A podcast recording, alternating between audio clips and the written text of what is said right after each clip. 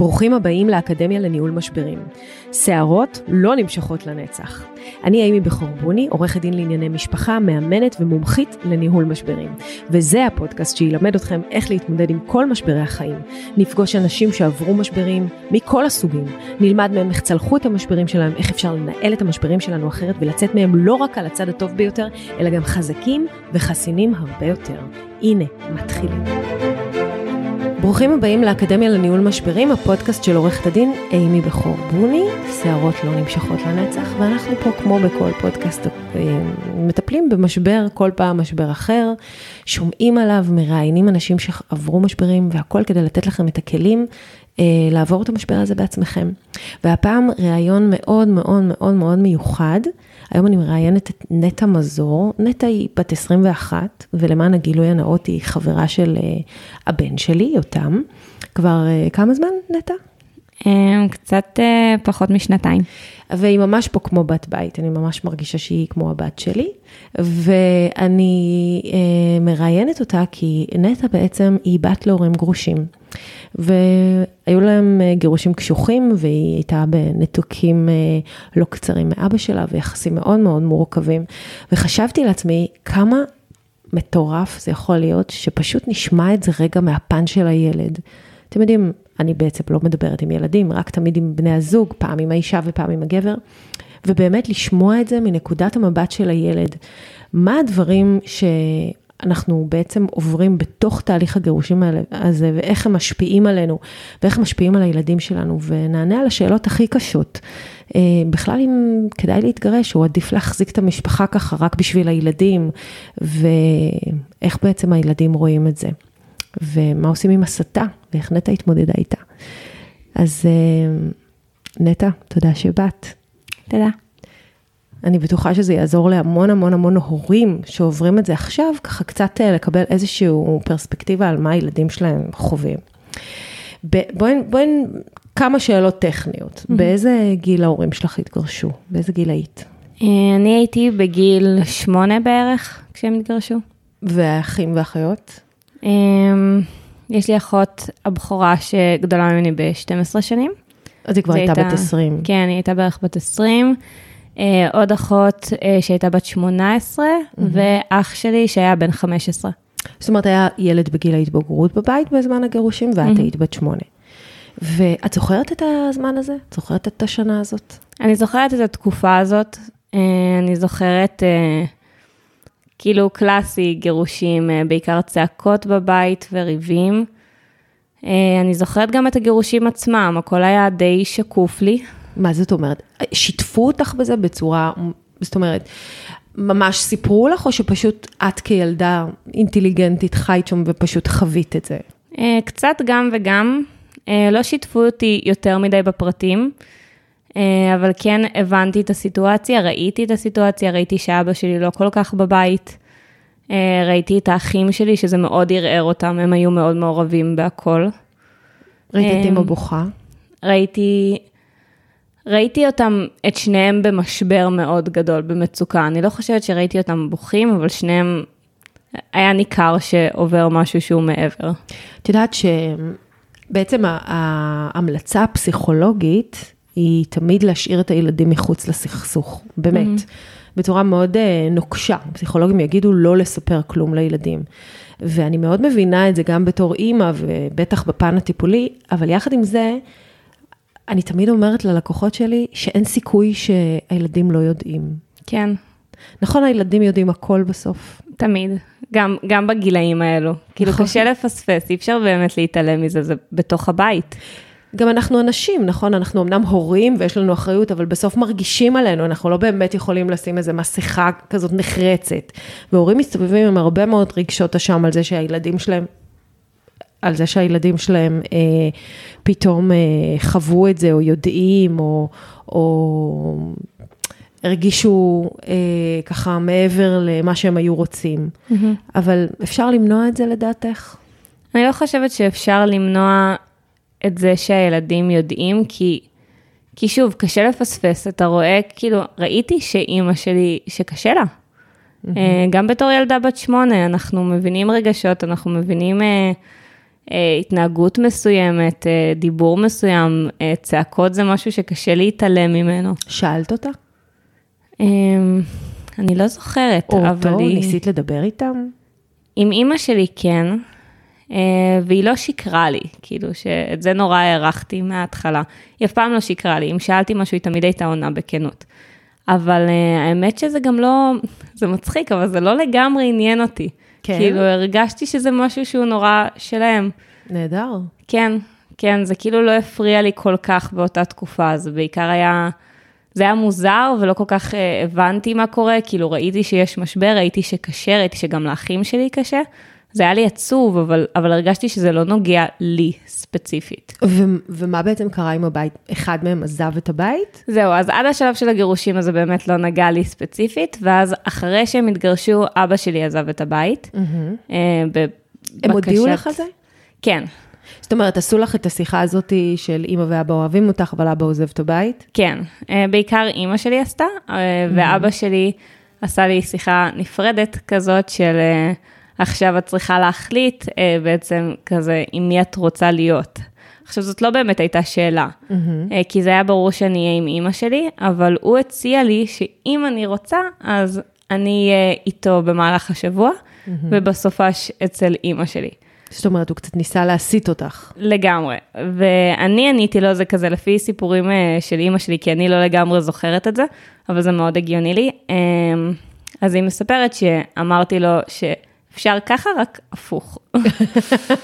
אז, אה, אז כן, אז גם ידעתי נורא, כאילו הבנתי מה קורה, וידעתי נורא מה אני רוצה. כאילו לא היה לי ספק. תגידי, ידעת בגיל שמונה למה ההורים שלך מתגרשים? לא, לא ידעתי למה, לא יודעת למה. עד גיל מאוחר. ו... ומישהו מהם בעצם ניסה אולי ככה לקחת אותך לצד שלו, אחרי השיחה הזאת? הרגשתי שאבא שלי תמיד רצה לקחת את כולנו לצד שלו. אה, וזה היה נורא קשה, כי אח שלי נגיד נורא התחבר אה, לאיך שאבא שלי הרגיש, אה, לכל העניין של התקפי עצבים ו- ואמוציות, אז אח שלי ראה את אבא שלי כמישהו שדומה לו, אז הוא התחבר אליו. אולי הוא ריחם עליו? קצת, כן, כולנו, אני חושבת שקצת ריחמנו עליו. אה, אולי אני בגיל מאוחר יותר באמת, אבל אה, אח שלי נורא רצה לקחת את הצד שלו, והאחיות שלי נורא גוננו על אימא שלי, נורא פחדו עליה. אה, ואני הייתי איפשהו שם באמצע, כי, כי לא הייתי במקום של לקחת צדדים. אז יש את אחותי, טלי, שנורא נורא ניסתה לגונן עליי ולשמור עליי מכל הסיפור הזה, ולהסיח את דעתי ולדבר על דברים אחרים. ואיך זה שדווקא מי שבעצם מרחמים עליו, או ככה חושבים שהוא היותר מסכן, בסוף יוצא שמנתקים איתו קשר. כמה זמן בעצם היית מנותקת מאבא שלך? אז אפשר להגיד שזה אף פעם לא נגמר. אה, אני מרגישה, אני מרגישה די מנותקת מאבא שלי גם עכשיו. אני רואה אותו בסביבות הפעם בחודשיים בערך, אה, שזה לא באמת נורא, אני, אני פשוט לא מרגישה שאי פעם הייתי נורא מחוברת אליו. מאז הגירושים ועוד לפני זה, הוא לא היה כל כך בבית, הוא לא היה כל כך מעורב. אבל את יודעת, אמ, הורים מתגרשים, ואז יש הסכם, או יש פסיקה, שאומרת פעמיים בשבוע, או פעם בשבוע, או כמה שעות אה, פעמיים בשבוע, או עם לינה, וכל סוף שבוע שני. אני מניחה שההורים שלך התגרשו באופן לא שונה, ואז איך זה, איך קורה שאת בעצם לא רואה אותו? הוא, הוא גם בחר להתרחק. זה התחיל מזה שלאט לאט ראינו אותו פחות. התחיל בהתחלה מזה... ראית אותו בהסדרי ראייה כאלה, בחלוקת זמנים? כן. אה, לא מדויקים לדעתי, אבל אני זוכרת שהיינו מגיעים אליו, בהתחלה הוא עבר לגור נורא קרוב אלינו. ואז היינו רואים אותו בשישי, תמיד היינו עושים אצלו קידוש, לפעמים ישנים אצלו ואז חוזרים הביתה. אה, לאט לאט הוא עבר למקומות קצת יותר רחוקים, ועדיין הוא היה לוקח אותי מבית הספר פעמיים בשבוע נניח, הייתי ישנה אצלו והוא היה מחזיר אותי יום אחרי זה. אז מה קרה שם? הוא התרחק יותר מדי. מה זאת אה, אומרת? הוא עבר לגור במצפה רמון לפני כמה שנים, שזה משמעותית רחוק ממני, אה, ולא היה לו רכב, ולא היה כל כך, אה, לאיזו תקופה לא הייתה גם כל כך דירה מוסדרת. הייתה תקופה ארוכה גם שהוא גר באוהל במצפה רמון, ואז גם אם הייתי רוצה, לא הייתה לי כל כך אפשרות לישון שם, וגם לא הייתי כל כך מעוניינת להגיע לשם יותר. אז היית אומרת שהסיתו אותך לא ללכת אליו? לא, אני לא מרגישה שהסיתו אותי, אני מרגישה שזה... Uh, ביחד כולנו גם הרגשנו ככה, כל האחים. אח שלי קצת פחות, אח שלי יותר רצה להיות מחובר אליו, ועדיין באיזשהו מקום הרגיש ש...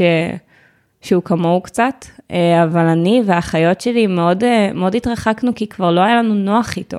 לא, לא, היה, לא, היה נוח, לא היה נוח איתו בגלל המרחק הפיזי, או שלא היה לנו נוח איתו כי כבר לא הרגשנו קשר על מה לדבר איתו, לא רצינו לשתף אותו? גם וגם, אה, ובעיקר אה, גם מההתחלה של הגירושים, ולאט לאט זה, זה קצת השתפר, אבל לא בדיוק, הוא תמיד היה נורא טעון. אה, אם היינו מדברים על משהו, אני אף פעם לא הרגשתי שאני יכולה לשתף אותו באמת במשהו אישי. ואם היינו מדברים נגיד על אימא שלי, חס וחלילה, אז זה תמיד היה מידרדר למקומות באמת נורא לא נעימים, ש...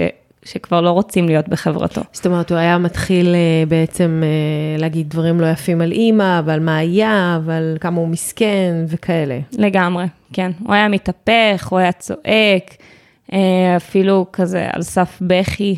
קרה לך פעם שהתקשרת לאימא ואמרת לה, בואי, קחי אותי מפה? כן. כן, mm-hmm. תמיד הייתי עושה את זה גם, הייתי משתדלת להיות עם האחים שלי בסביבה. עכשיו בכלל, אני, אני משתדלת לא לפגוש אותו לבד. כמה זה חשוב שלדעתך שבעצם חלוקת הזמנים הזאת תהיה ביחד עם האחים ולא יעשו הפרדות? זה מאוד חשוב לי, שאנחנו נעשה את זה ביחד, כי אנחנו, בסוף גם היתרון של כל הסיפור הזה של הגירושים, mm-hmm. זה שלי ולאחים שלי יש אחד את השני. מאוד מאוד התחברנו ואנחנו מאוד באותה סירה, אה, ויש משהו נורא נעים ונוח שאנחנו, אם אנחנו באים אליו, אנחנו באים ביחד כקבוצה. Mm-hmm. אז בעצם הוא קצת בחר בניכור הזה, הוא קם והלך. כן, לגמרי, ככה זה מרגיש. ובת כמה היית אז? Um, לדעתי זה קרה ממש ישר אחרי. כאילו גם כשהוא התרחק, זה, הוא לאט לאט התרחק פיזית, אבל זה mm-hmm. גם היה מאוד רגשי. Um, התחיל מזה שהוא גר קרוב אלינו, אחרי זה לעיר אחרת, אחרי זה ליותר דרומה. הוא... Uh... את חושבת שהוא רצה בהפרדה הזאת? זאת אומרת, או שהוא עשה, אומר שהוא לא הייתה לו ברירה והוא היה חייב לעבור. כי את יודעת מה אומרים, אה, הרבה גברים אומרים, מה, הייתי צריך לשלם מזונות, לא היה לי אה, כסף לשלם שכר דירה לעצמי, אז איבדתי את הילדים. כן, הוא מאוד מאשים. הוא מאוד מאשים, אני לא חושבת שהוא רואה בזה כאשמתו. אני חושבת שגם היה צריך בשבילו להתרחק מהכל, אז, mm-hmm. אז לעבור למקום נורא מרוחק ומנותק זה נוח. אה, אני יודעת שהוא מאוד רוצה להיות איתנו בקשר. אבל לא אה, מסוגל? אבל הוא מונע מעצמו, לדעתי. הוא רוצה להיות איתנו בקשר, הוא מתקשר אליי והוא אומר לי שהוא מתגעגע אליי, שהוא ישמח שאני אבוא לבקר אותו, אבל זה אני צריכה לנסוע לבוא לבקר אותו, זה אני צריכה לעשות את האקסטרה מאמץ, כשאני מרגישה שזה לא שווה את זה. וכשהיית בת עשר ולא יכולת לעשות את המאמץ ולא יכולת לנסוע למצפה רמון לבד או לא משנה לאן? בהתחלה הוא היה, הוא היה באמת לוקח אותי, הוא היה לוקח אותי מהבית ספר, הוא היה מוצא פתרונות. אימא שלי סיפרה פעם אחת שהוא אפילו ממש, אה, ממש חטף אותי מבית הספר פעם אחת. הוא חטף אותך? אה, כן, אני לא ידעתי את זה. את זוכרת את זה? אה, לא ממש. מה את זוכרת? אני זוכרת, אה, הוא היה הרבה פעמים מגיע לקחת אותי אה, מבית הספר אה, אליו, כשהוא גר בירושלים. אה, ומסתבר שאחת מהפעמים אמא שלי לא הייתה מודעת לזה שהוא לוקח אותי. אה, ואז לא היו סלולרים לילדים. כן. אז היא לא יכלה להתקשר אלייך, אז היא נבהלה. היא נבהלה נורא. אה, והם תקשרו ביניהם? הוא פחות תקשר איתה. זאת אומרת, הוא לא הסכים לדבר איתה. כן. אחת הבעיות הקשות בגירושים זה בעצם התחושת נקמה הזאת, אני נוקם בך, כי עזבת אותי, כי נפרדנו, כי זה לא מה שרציתי, ואז אני לא מוכן לדבר איתך, או אני לא מוכנה לדבר איתך. ובעצם אנחנו תמיד טוענים שבעצם המפסידים הגדולים זה הילדים, כי צריך תקשורת כדי לגדל ילדים בשני בתים. אז היא לא ידעה, היא נבהלה, והיא לא היה לה שום קשר אה, ודרך אה, לדעת, ואז מה? היו משטרות מעורבות? אה, היה כמה פעמים שהיו משטרות מעורבות, בפעם הזאת אני לא זוכרת, אני לא יודעת איך היא גילתה בסוף, אני לא בטוחה. אה, יכול להיות שבסוף היא כן התקשרה אליו, היא גם באופן כללי לא הייתה לה בעיה לדבר איתו, הוא פשוט לא לא היה מוכן לדבר איתה. את זוכרת אירועי משטרה כאלה? היו אירועי משטרה, אה, באיזשהו שלב גם אני זוכרת שאימא שלי הוציאה צו הרחקה כנגד אבא שלי, כי הוא היה מגיע לבית שהיה בעבר שלהם, אבל הוחלט שהוא יעזוב את הבית והוא היה מגיע לשם. אה, ואני ממש זוכרת שהגיעה פעם אחת ניידת לקחת אותו, ואני זוכרת גם ששאלתי את האחים שלי למה. אה, וכל הסיפור הזה היה מצד אחד ברור לי שאבא שלי הוא לא בסדר, שקורה שם משהו שהוא לא בסדר, מצד שני לא, לא הבנתי למה זה, למה זה משטרה, למה זה פחדת? קצת. זה, זה היה מבהיל בעיקר. מבהיל. מה מבהיל? שרואים פתאום שוטר וניידת מגיע הביתה. בעיקר לראות את אבא שלי במצב הזה, ששוטר לוקח אותו לניידת. את זוכרת אם זה השפיע עלייך בבית ספר, חברתית, בציונים? אמ, לא חושבת שבבית ספר זה השפיע עליי. היו לי כזה את, ה, את הבעיות משלי, אז נורא, נורא התמקדתי בדברים אחרים. Uh, בבית ספר באופן כללי קצת uh, היה לי קשיים חברתיים בהתחלה, והיו לי פחות חברים, וזה יותר מה שהשפיע עליי. ואת חושבת שזה חש... קשור לזה שההורים שלך התגרשו? אני לא חושבת, האמת. אני חושבת שזה עניין של אה, אוכלוסיות שונות ובתי ספר שונים. אה, אחרי זה עברתי לבית ספר אחר, בעיר שונה, והכל היה בסדר, ואף פעם לא הרגשתי שזה השפיע עליי חברתית. את מאשימה את ההורים שלך על הגירושים האלה? לא, אני מבינה, אני רואה למה זה קרה, גם עכשיו אני יודעת קצת יותר על למה ו- ומה קרה שם בדיוק. אני לא מאשימה את ההורים, אני לא מאשימה את אימא שלי בעיקר, כי אני מבינה מאיפה זה נבע. אמ, אז מה הסיכוי שבגלל שאת למעשה חיית יותר אצל אימא שלך, ואולי שמעת יותר את אימא שלך, אז את אה, לוקחת עמדה, בחרת צד כמו שאבא שלך ביקש, פשוט לא את הצד שלו. יכול להיות? אני לא חושבת שזה רק בגלל שאני חיה איתה. אה, אני חושבת שאני גם שמעתי את הצד שלו. שמעת? לצערי. ככה בצעקות האלה כל פעם שבאת, והוא כל פעם בעצם כפה עלייך את הצד שלו קצת. כן, זה אף פעם לא היה, זה אף פעם לא הייתה שיחה בנועם אה, ולנסות להסביר ולפרט, זה תמיד היה נורא נורא אמוציונלי ונורא כועס אה, או נורא עצוב. אה, אז שמעתי ואני יודעת בדיוק מה הוא חושב, ואני יודעת איך הוא מרגיש, ואני אני גם קצת מרחמת עליו באמת, כי זה קשה. אבל אה, אני יודעת שאימא שלי עשתה את מה שהיא הייתה צריכה לעשות, לא רק בשביל עצמה, אלא גם בשבילנו. מה הזמן הכי רב שלא פגשת בו בעצם, בילדות? אני לא בטוחה, אה, זה אף פעם לא עלה לדעתי על חצי שנה, אולי ארבעה, חמישה חודשים, כשהוא עבר באמת למצפה רמון בהתחלה. היום הוא קצת יותר מגיע אה, לבקר את האחיינים שלי, את הנכדים שלו, אז יוצא לי לראות אותו טיפה יותר, כי הוא מגיע למרכז. זה מכעיס אותך שעבור הנכדים שלו הוא בא ובשבילך הוא לא הגיע חצי שנה? האמת שטיפה, אה, זה קצת, אה, זה קצת לא ברור, אבל אה, אני חושבת שבאיזשהו מקום זה קצת החיבור שלו עם ילדים קטנים, שזה יותר קל להתחבר אליהם. הוא היה אבא טוב כשהיית ילדה קטנה? אה, זה מה ששמעתי, אני לא זוכרת. זוכרת. לא. אבל אה, אני יודעת שכתינוקת, אז הוא היה מטפל בנו המון, כאילו הוא היה ממש ממש טוב עם תינוקות, אימא שלי אומרת את זה, שהוא מאוד מאוד טוב עם תינוקות וילדים קטנים. כזה קם אלייך בלילה והאכיל אותך. כן, כן, הוא מאוד מאוד אוהב ילדים קטנים. אני לא זוכרת את זה כי באמת הייתי קטנטונת, אבל אני רואה את זה עכשיו עם אחיינים שלי, הוא מאוד מחובר אליהם והוא מאוד שומר עליהם ומאוד מבדר אותם. הם גם נורא אוהבים אותו. וזה אז- מוזר, נכון? זה, זה כאילו קצת מוזר, אבל אני מבינה שבאיזשהו מקום זה יותר פשוט להתחבר ל, לילדים הקטנים שעוד לא מבינים, שעוד לא רואים מה קורה. את חושבת שזה קשור אה, לגיל, רק לגיל שלהם, או לזה שבעצם הוא היה צריך להתמודד כל פעם עם זה שאתם באים, ואז כל הסיפור היה מציף אותו? יכול להיות גם שהזכרנו לו. כן. אה, אני מאמינה שאני, אומרים לי הרבה פעמים שאני ואימא שלי נורא דומות. אז יכול להיות שזה גם מהמקום הזה, כי אני לא הרגשתי... שזה בוגר ואחראי מצידו, כן? אני לא אומרת. כן, אבל אה, כאילו הפעיל לו איזה, איזה טריגר. כן, ממש יכול להיות. אה, גם, אה, גם הרבה פעמים יכול להיות, אני לא זוכרת, אבל יכול להיות שבגלל שגם הייתי קטנה, אז שאלתי דברים שהם יותר לא נעימים. אני ממש זוכרת שפעם אחת אחותי בטעות הזכירה את הבן זוג של אימא שלי, mm-hmm. והוא נורא התפרץ, וזה כאילו היה בטעות, וזה איזה טריגר, אבל, אבל זה ממש הדליק אותו, כאילו היה אסור להגיד את השם שלו בבית. עד כדי כך. כן, לגמרי, גם את שלה. זה היה נורא משמעותי. אז, אז את חושבת שהיה איזה ניסיונות מצידו במהלך השנים האלה להסית אותך נגד אימא שלך? שאולי לא תחזרו לשם? אני חושבת שכן. ואיך לא ש... נכנעתם? איך, איך בעצם עמדתם בהסתה הזאת? או שזה פשוט היה קל כי הוא פשוט עבר מקום? זה היה נורא קל, אבל כי זה היה, לא יודעת, בתור ילדה נורא ראיתי את זה כאימא שלי הייתה בן אדם רגוע שהסבירה לנו דברים בנועם ובנעימות ותמיד דאגה לנו והסתכלה על דברים בצורה יותר ריאלית והרגשתי את זה. אה, אבא שלי תמיד זה היה נורא, נורא קיצוני, נורא, תעזבי את אימא שלך ונורא, אל תדברי איתה. אימא שלי אף פעם לא אמרה לי לא לדבר עם אבא שלי, או לא להתקרב אליו, או לא לבוא אליו.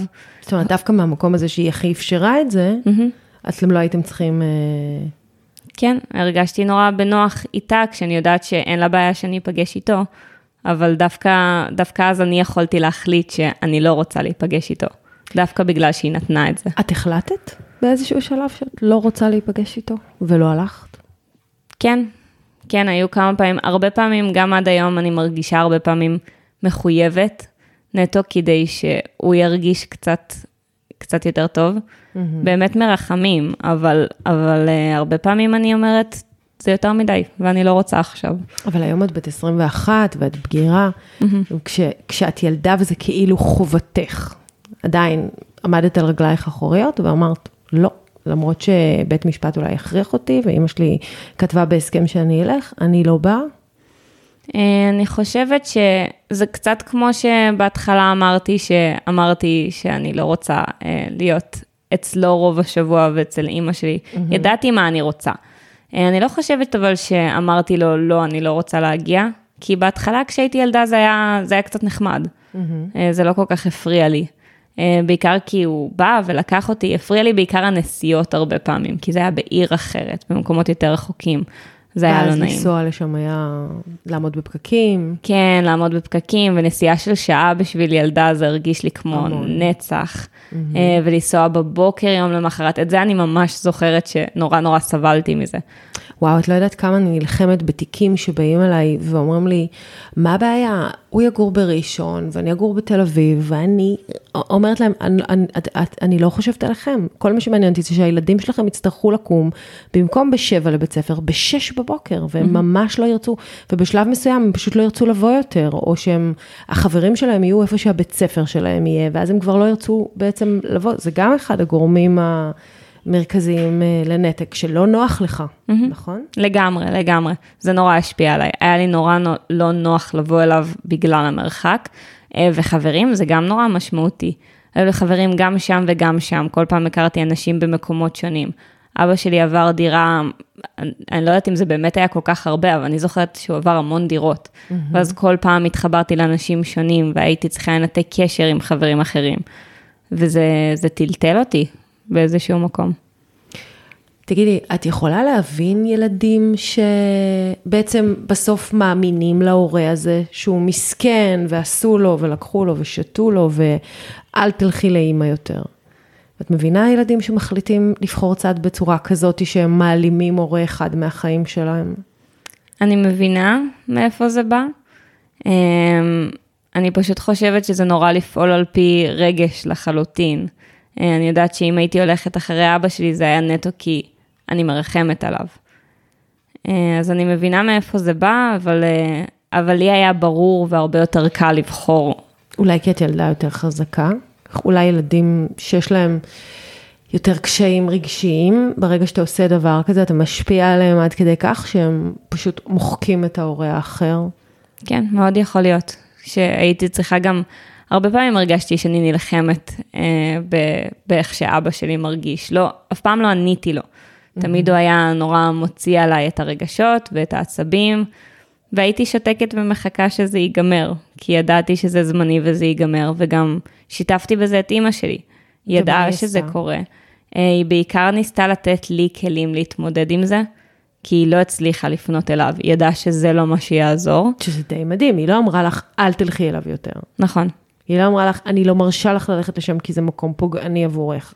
היא לא רצתה, היא לא רצתה לבחור בשבילי לנתק קשר עם אבא שלי. אני באמת, אה, וזה גם עד היום, היא נורא נותנת לי להחליט מתי אני נפגשת איתו, איך, אני מרגישה שזה נורא לא קשור אליה זה בשום כבר צורה. לא קשור אליה. כן, וגם אז זה לא היה. כאילו, גם, אז, בתור גם ילדה. כשהיית קטנה? גם בתור ילדה הרגשתי שלגמרי הבחירות שלי זה שלי. שזה די מדהים. כן, נכון. ההתייחסות הזאת למישהו שהוא, אפילו שהוא איש קטן, הוא ילד, צריך לתת לו לבחור. מהמם. ואנחנו, את יודעת, אנחנו מוכנים לתת לבחור, אבל כשאתה מוחק הורה אחר והופך את זה לניכור הורי קשה, ואז ההורה נשאר ללא הילד שלו, זה בעייתי, כי אנחנו לא תמיד יודעים מאיזה מקום הילדים בוחרים. מהמם.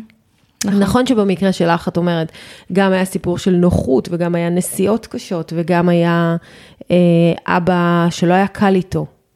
אז בחרת, אבל אה, לפעמים בוחרים באמת, או כי מרחמים, או כי מסיתים אותך מאוד מאוד.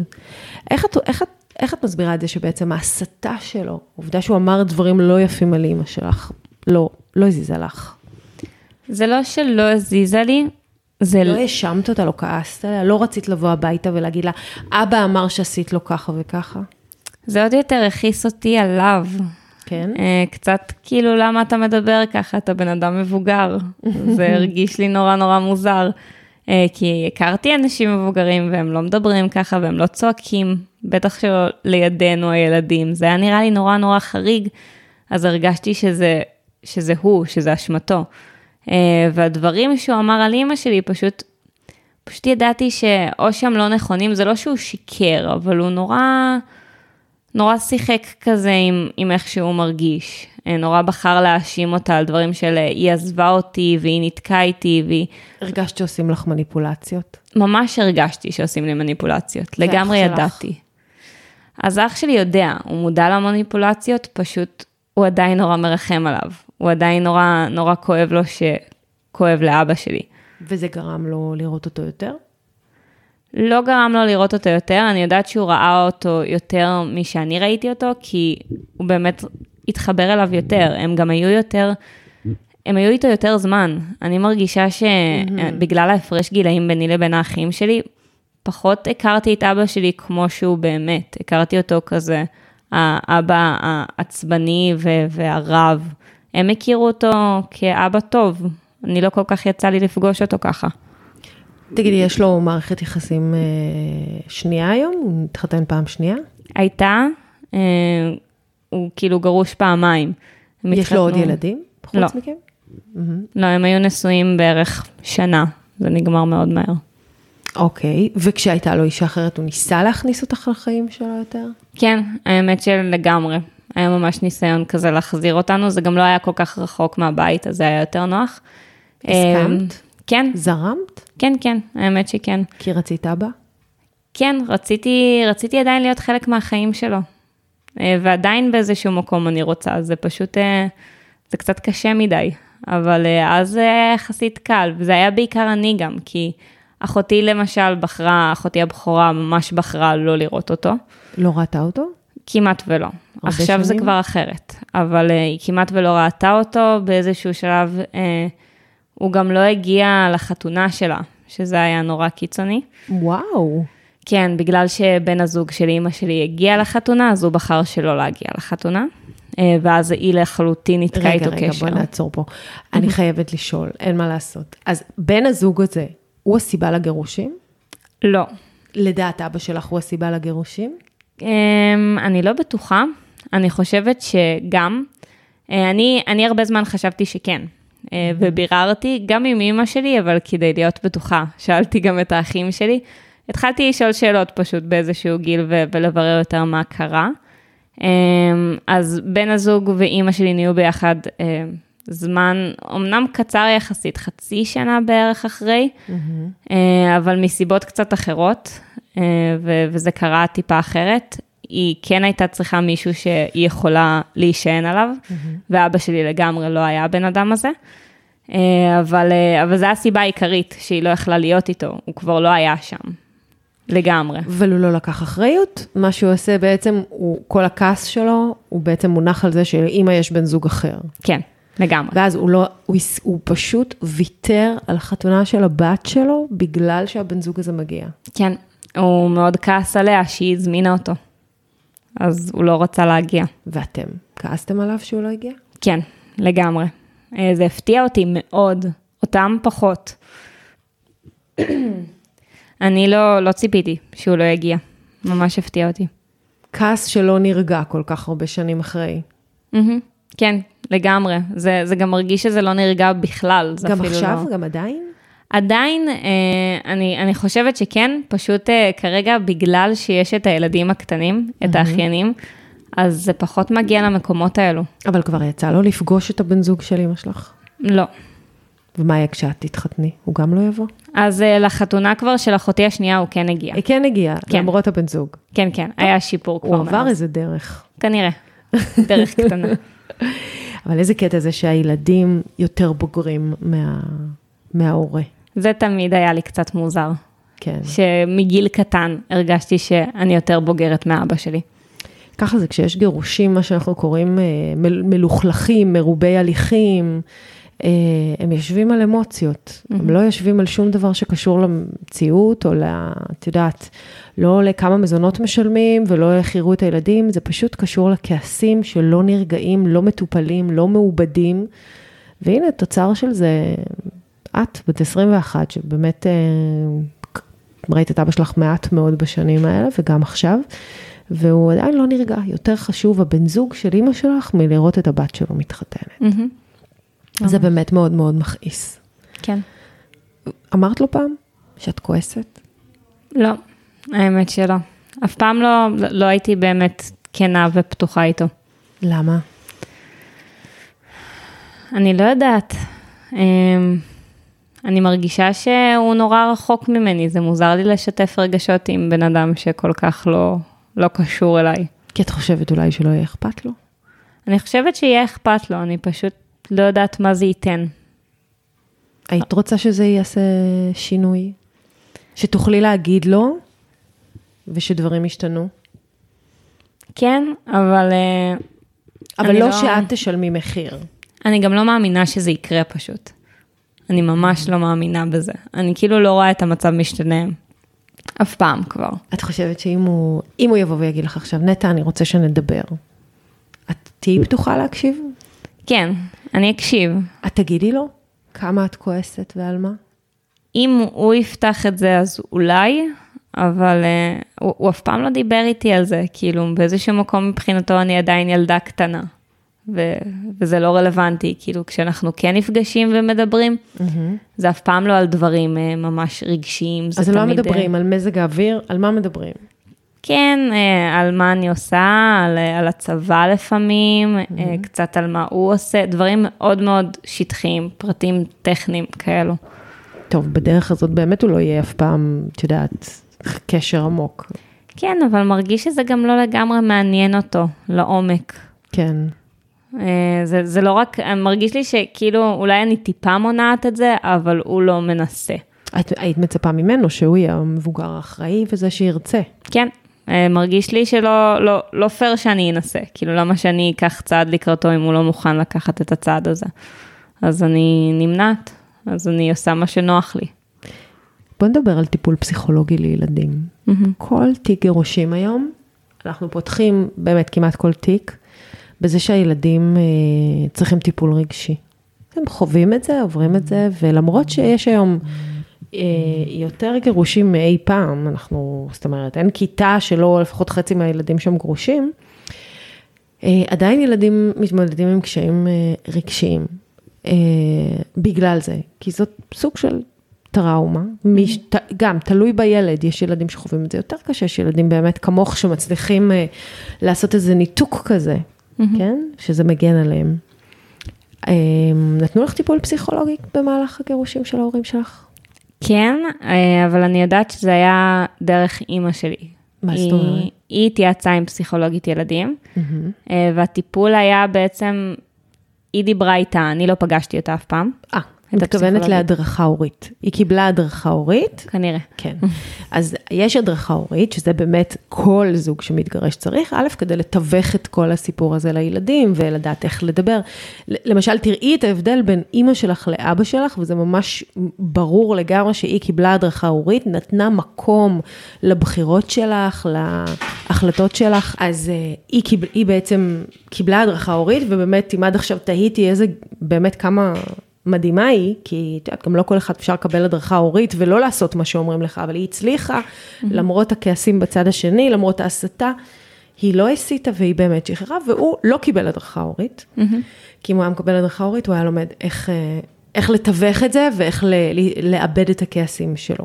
כן. אז, אז זה הדרכה הורית. אני מדברת על טיפול פרטני לשבת אצל פסיכולוג. מישהו מכם בעצם קיבל כזה טיפול? אמ, אני לא יודעת לגבי האחים שלי, אבל את לא. אני לא. אני לא, אני הלכתי לפסיכולוגית אה, שנים אחר כך, אולי... לא, ב, לא בהקשר הזה. לא, לא בהקשר הזה. מהמם.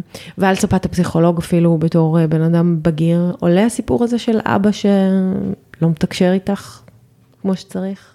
כן, אבל, אה, אבל פחות מעסיק. כאילו, מרגיש שזה משהו כזה, זה כן, זה כן אכפת לי, זה כן מפריע לי שאני לא בקשר איתו, זה לא... אני כל הזמן, יוצא לי המון פעמים לחשוב, גם יצא לי לכתוב על זה, ו- לכתוב, כתבת לו? וכתבתי, כתבתי לו בלי להראות לו. ואם היית יכולה להגיד לו, מה היית אומרת לו? מה כתבת לו? כתבתי ש... שחבל לי שאנחנו לא בקשר. ונורא מפחיד אותי שיגיע היום והוא כבר לא יהיה פה. ואני אדע שכל הזמן הזה אנחנו אף פעם לא באמת דיברנו. וזה עצוב לי, זה באמת עצוב לי, אני פשוט לא רואה איך אני משנה את זה מקצה לקצה, וגם אני לא חושבת שזה פייר שאני זאת שישנה את זה מקצה לקצה. לא, אז ברור שיש את החלק שזה פייר והיית רוצה שזה יבוא ממנו, אבל לפעמים אנחנו צריכים להתמודד עם המציאות שזה הבן אדם, זה כנראה לא יבוא ממנו, ואולי שווה לעשות את זה בשבילך. בשביל עצמך, לדעת שאת עשית את זה ואת את הניסיון הזה עשית, למרות שאני שומעת אותך, את לא אופטימית לגבי השינוי. נכון, זאת אומרת, לגמרי. הוא לא ישתנה, אז למה לי? נכון? כן, ככה אני מרגישה. אני כן מאמינה באנשים שמשתנים, אבל אה, אבל במי שרוצה להשתנות. כן, אני לא רואה אותו עושה את השינוי הזה. זה כבר אותו מצב המון המון שנים. ותגידי, ואחותך הגדולה לא ניסתה להגיד לו אי פעם? לא העבירה עליו ביקורת בעניין הזה? אני בטוחה שכן. אה, לפי איך שאני מכירה אותה, אני לא שמעתי על זה, אבל אני בטוחה שהיא העבירה עליו ביקורת, אני בטוחה גם שהיא אמרה לו בדיוק את מה שהיא חושבת. אה, אני לא חושבת שזה השפיע עליו יותר מדי, כאילו אני בטוחה שזה פגע בו וזה נגע לו, אבל אה, הוא לא עשה שינוי משמעותי מאז. קשה גירושים? קשה. או שאת אומרת, זה לא הגירושים, זה האישיות שלו. אמ, לא, זה, זה גם וגם. אין לי ספק. גם זה לא האישיות, זה לא תמיד הייתה האישיות שלו. אימא שלי, הרבה פעמים, אנחנו מדברות על זה נורא פתוח. אמ, היא הרבה פעמים מספרת שהוא לא היה ככה. הוא היה בן אדם אחר. מה השתנה שם פתאום? כן, אה, אני חושבת שזה תהליך של, קר- שקרה כאילו במשך תקופה ארוכה של כמה שנים, שלאט לאט אה, הוא היה פחות מעורב. אה, פחות מעורב בבית, פחות מעורב אה, גם מבחינת עבודה, אז הוא לא עבד, ואימא שלי הייתה המפרנסת היחידה. אה, שמה שקרה זה שאנחנו ארבעה ילדים, והיא היחידה שמפרנסת, אז זה היה מאוד מאוד קשה. זאת אומרת, היו קשיים אובייקטיביים גם. כן, לגמרי, וגם הוא לא היה פתוח גם רגשית, הוא לא יכל לתמוך בה. אה, והיה לה נורא נורא קשה, ואני יודעת שהקש ששבר את גב הגמל אצלה, היה כשאח שלה נפטר מסרטן, אה, והוא לא היה שם לא רגשית לעזור לה, וגם לא, גם לא פיזית, הוא לא, הוא לא יכל לתמוך אותנו. היא כבר, היא לא יכלה לעבוד. היא רצתה לטוס, אה, הוא היה גר בארצות הברית, דוד שלי, והיא רצתה לטוס לשם ו- ולהיות עם ההורים שלה, עם סבא וסבתא שלי, והיו לה והוא- דברים, הוא לא היה מסוגל בעצם אה, לקחת את החבילה הזאת על הכתפיים שלו. כן, הוא לא היה אותה. שם. הוא לא היה שם בכלל. אני לא יודעת אם זה אכזב אותה כמו שזה היה הרגע שהיא הבינה שדי, mm-hmm. שאי אפשר ככה יותר, היא לבד. כן.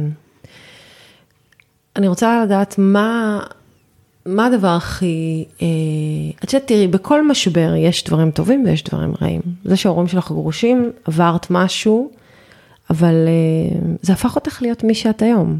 כן. נכון? לגמרי, לגמרי. אני, אני ממש נוקטת גם בגישה הזאת. ש?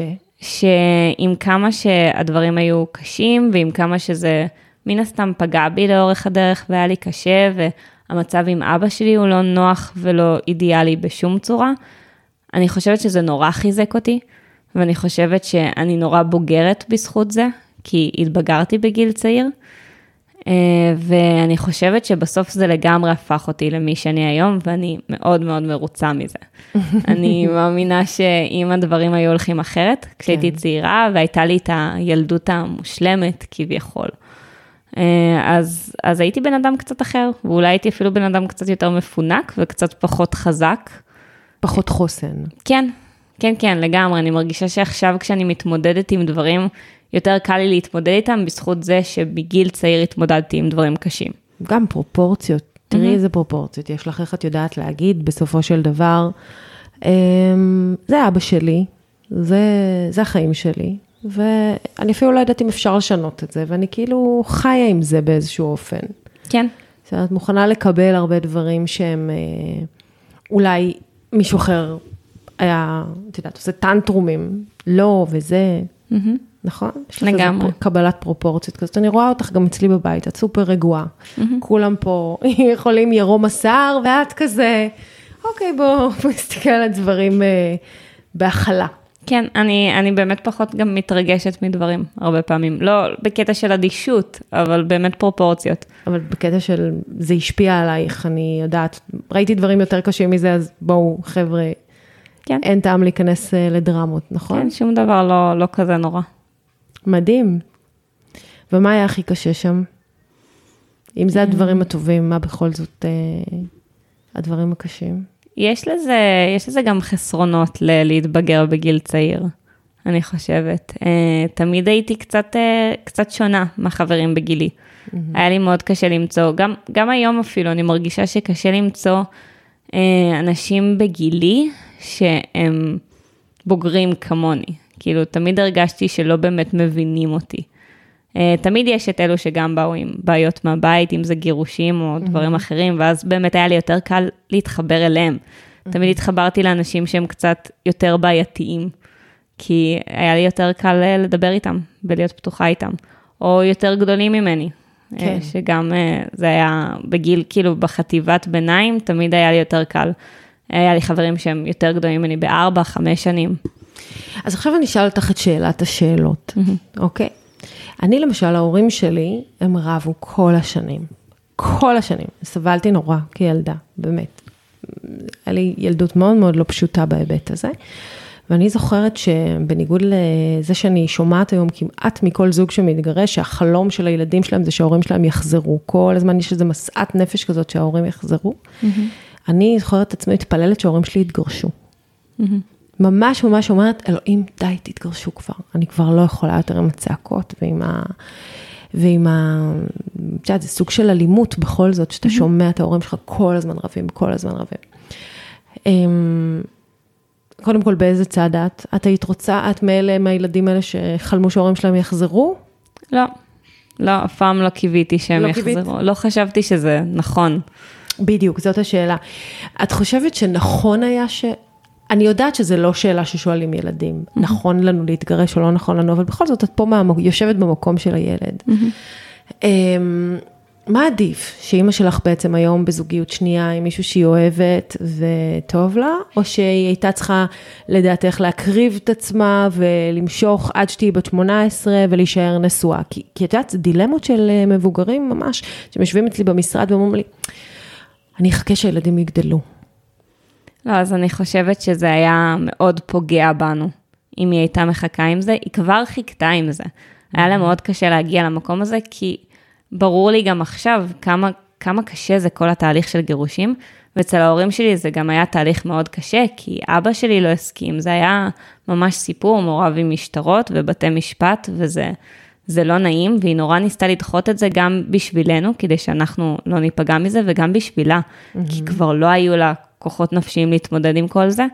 אה, ואני מאוד מאוד שמחה שהיא עשתה את זה בסוף, גם אם זה היה קצת מאוחר אפילו, אה, כי זה היה פוגע בנו, זה היה פוגע בנו, ולא הייתי רוצה שהיא תמשוך את זה עד גיל 18 בטוח, זה המון שנים אחרי זה, ואני נורא שמחה שעכשיו היא מאושרת עם בן זוג, ויש לה חיים קצת אחרים עכשיו, מאוד, גם לי יש חיים נורא אחרים מאז שהם mm-hmm. אני גם uh, בעקבות הגירושים האלו, אז, אז גם עליתי ברמת חיים. היינו, הרי אימא שלי הייתה היחידה שמפרנסת, mm-hmm. והיינו ברמת חיים די נמוכה בלי, בלי שידעתי על זה. כן. Uh, לא הרגשתי את זה משמעותית, כאילו היה אוכל על השולחן, כן. זה לא היה ברמה הזאת, אבל, אבל לא היה מקום למותרות. Mm-hmm. כאילו לא, והבית שלנו היה מאוד בסיסי והיה נטו את מה שצריך. אה, ועכשיו אני חיה ברמת חיים אחרת לגמרי, אה, וזה נורא נורא שיפר, אה, שיפר את המצב הכלכלי שלנו ואת המצב הרגשי שלנו. האישי שלך גם. לגמרי, לגמרי.